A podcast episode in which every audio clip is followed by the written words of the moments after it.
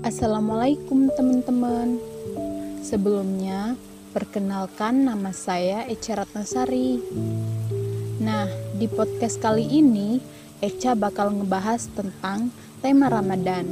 Karena kan beberapa minggu lagi kita akan melaksanakan ibadah puasa di bulan suci Ramadan. Ngomong-ngomong, Ramadan itu apa sih? Nah, Ramadan adalah bulan ke-9 dalam kalender Islam yang dirayakan umat muslim di seluruh dunia dengan berpuasa. Pastinya seneng kan bakalan ketemu dengan bulan suci Ramadan. Banyak hal yang akan kita bahas di podcast kali ini. Yang pertama yang akan kita bahas yaitu sejarah Ramadan. Allah berfirman dalam surah Al-Baqarah ayat 183. Wahai orang-orang yang beriman, diwajibkan atas kamu berpuasa sebagaimana diwajibkan atas orang sebelum kamu agar kamu bertakwa. Itu merupakan dasar dari tradisi puasa sebelum adanya Islam. Jadi, puasa telah ada sebelum Islam datang. Puasa ini merupakan tradisi manusia. Misalnya, pada bangsa Romawi, bangsa Mesir, dan yang lainnya. Dengan cara dan tujuan berbeda-beda.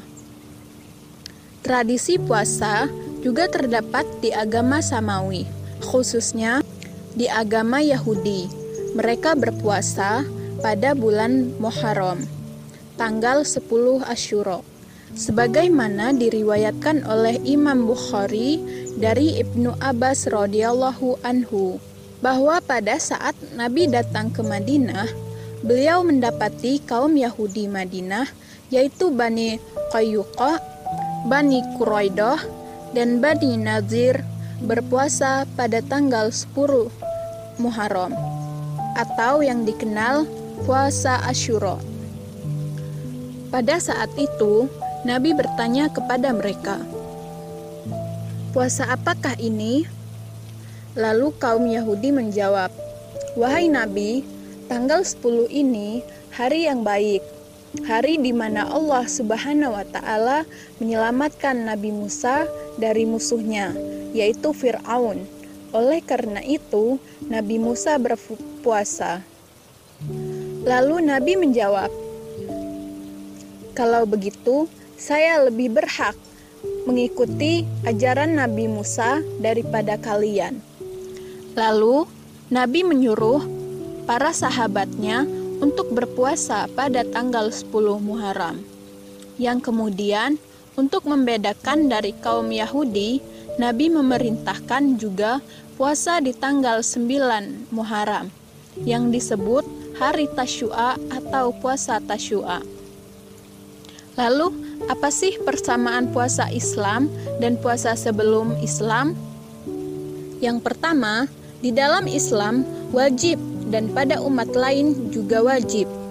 Yang kedua, di dalam masalah waktu atau jumlah harinya, sebagian ulama berpandangan bahwa umat Nasrani dan Yahudi puasanya juga di bulan Ramadan dengan nama bulan yang lain dan jumlah puasanya pun sama yaitu 30 hari.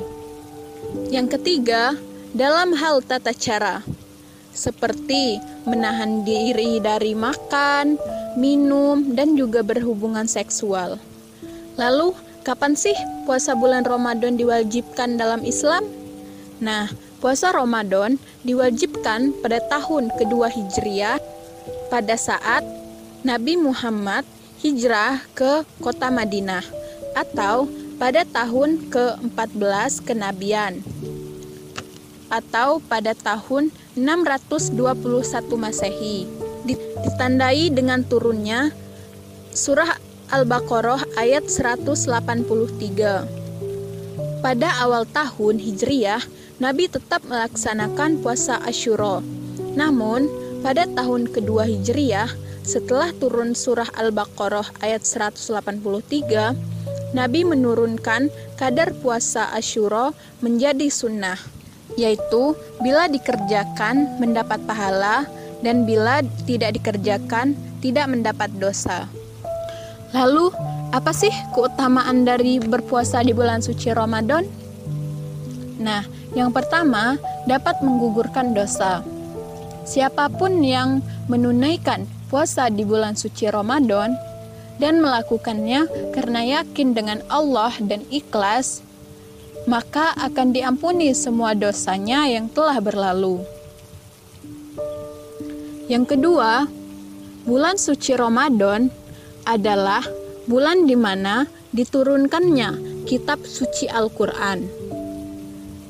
Yang ketiga, dilipat gandakan pahalanya. Maka berlomba-lombalah dalam kebaikan. Yang keempat, malam Lailatul Qadar. Hadirnya malam penuh kemuliaan dan di salah satu malam pada malam-malam terakhir, malam yang lebih baik dari seribu bulan, yaitu malam Lailatul Qadar. Yang kelima, di bulan suci Ramadan, pintu surga dibuka dan pintu neraka ditutup. Yang keenam, bulan suci Ramadan merupakan bulan ke keberkahan. Jadi, apa pun kegiatan kita yang bersifat positif, semuanya akan mendapat berkah dari Allah Subhanahu wa taala. Lalu, apa sih kegiatan yang bisa kita lakukan di saat bulan suci Ramadan? Yang pertama, berpuasa. Nabi Muhammad Shallallahu Alaihi Wasallam bersabda, "Barang siapa yang berpuasa di bulan suci Ramadan dengan penuh keimanan dan mengharapkan pahala, maka diampuni dosanya yang telah lalu." Hadis riwayat Bukhari dan Muslim. Yang kedua, sholat malam atau tarawih. Nabi Muhammad Shallallahu Alaihi Wasallam bersabda, "Barang siapa yang sholat malam di bulan Ramadan dengan penuh keimanan dan mengharapkan pahala, maka diampuni dosanya yang telah lalu." Hadis riwayat Bukhari dan Muslim. Yang ketiga, memperbanyak sedekah dan kedermawanan seperti memberi makan fakir miskin, membantu orang yang membutuhkan, dan memberi makan orang saat berpuasa. Contohnya, kita memberikan takjil kepada orang-orang yang tidak mampu untuk membeli makanan saat berbuka puasa. Yang keempat, memperbanyak membaca Al-Quran. Di bulan Ramadan adalah bulan Al-Quran, karena pada bulan inilah Al-Quran diturunkan. Setelah sholat tarawih, bisa kita mengajak anak-anak atau ibu-ibu serta bapak-bapak untuk bertadarus setelah sholat tarawih untuk menghatamkan 30 juz dalam sebulan. Yang kelima, melaksanakan ibadah umroh. Umroh pada bulan Ramadan sama pahalanya seperti melakukan haji. Yang keenam, melakukan iktikaf di masjid. Dulu Nabi Muhammad SAW setiap bulan suci Ramadan selalu beriktikaf di masjid. Begitu pula dengan istri-istrinya. Setelah Nabi Muhammad wafat, para istrinya selalu beriktikaf di masjid pada saat bulan suci Ramadan. Yang ketujuh, mencari keutamaan Lailatul Qadar dengan bersungguh-sungguh dalam ibadah. Yang kedelapan, menyegerakan berpuasa dan mengakhirkan sahur.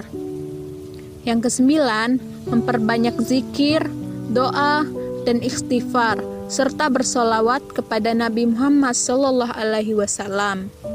Karena di bulan suci Ramadan, doa-doa yang kita panjatkan akan cepat diijabah oleh Allah Subhanahu wa taala.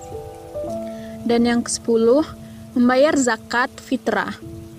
Dan masih banyak lagi kegiatan yang bisa kita lakukan di saat bulan suci Nah, apa sih persiapan yang harus kita lakukan di bulan suci Ramadan? Yang pertama, kalau ada tamu datang ke rumah, kita pasti menyambutnya dengan makanan yang enak, dengan raut muka bahagia, Begitu juga kita dalam menyambut bulan suci Ramadan. Kita harus bahagia karena pada bulan Ramadan pintu surga dibuka dan pintu neraka ditutup. Yang kedua, melakukan kegiatan berpuasa secara ikhlas, lillahi ta'ala, melaksanakan sesuai yang Allah perintahkan. Karena jika kita ikhlas, insya Allah Allah terima ibadah kita. Yang ketiga, optimis dalam melakukan ibadah. Kita belajar menyempurnakan ibadah. Contoh, dalam sholat, jika kita bisa selalu berusaha untuk sholat lima waktu, kita bisa tambah dengan sholat sunnah, duha, tahajud, witir, atau yang lainnya. Juga mengaji, biasanya kita menghatamkan Al-Quran hanya bisa satu kali dalam sebulan dalam Ramadan kali ini kita bisa menghatamkan dua atau sampai tiga kali dalam sebulan. Itulah yang bisa Eca sampaikan di podcast kali ini. Lebih kurangnya, Eca mohon maaf kepada Allah. Eca mohon ampun. Semangat berpuasa. Wassalamualaikum warahmatullahi wabarakatuh.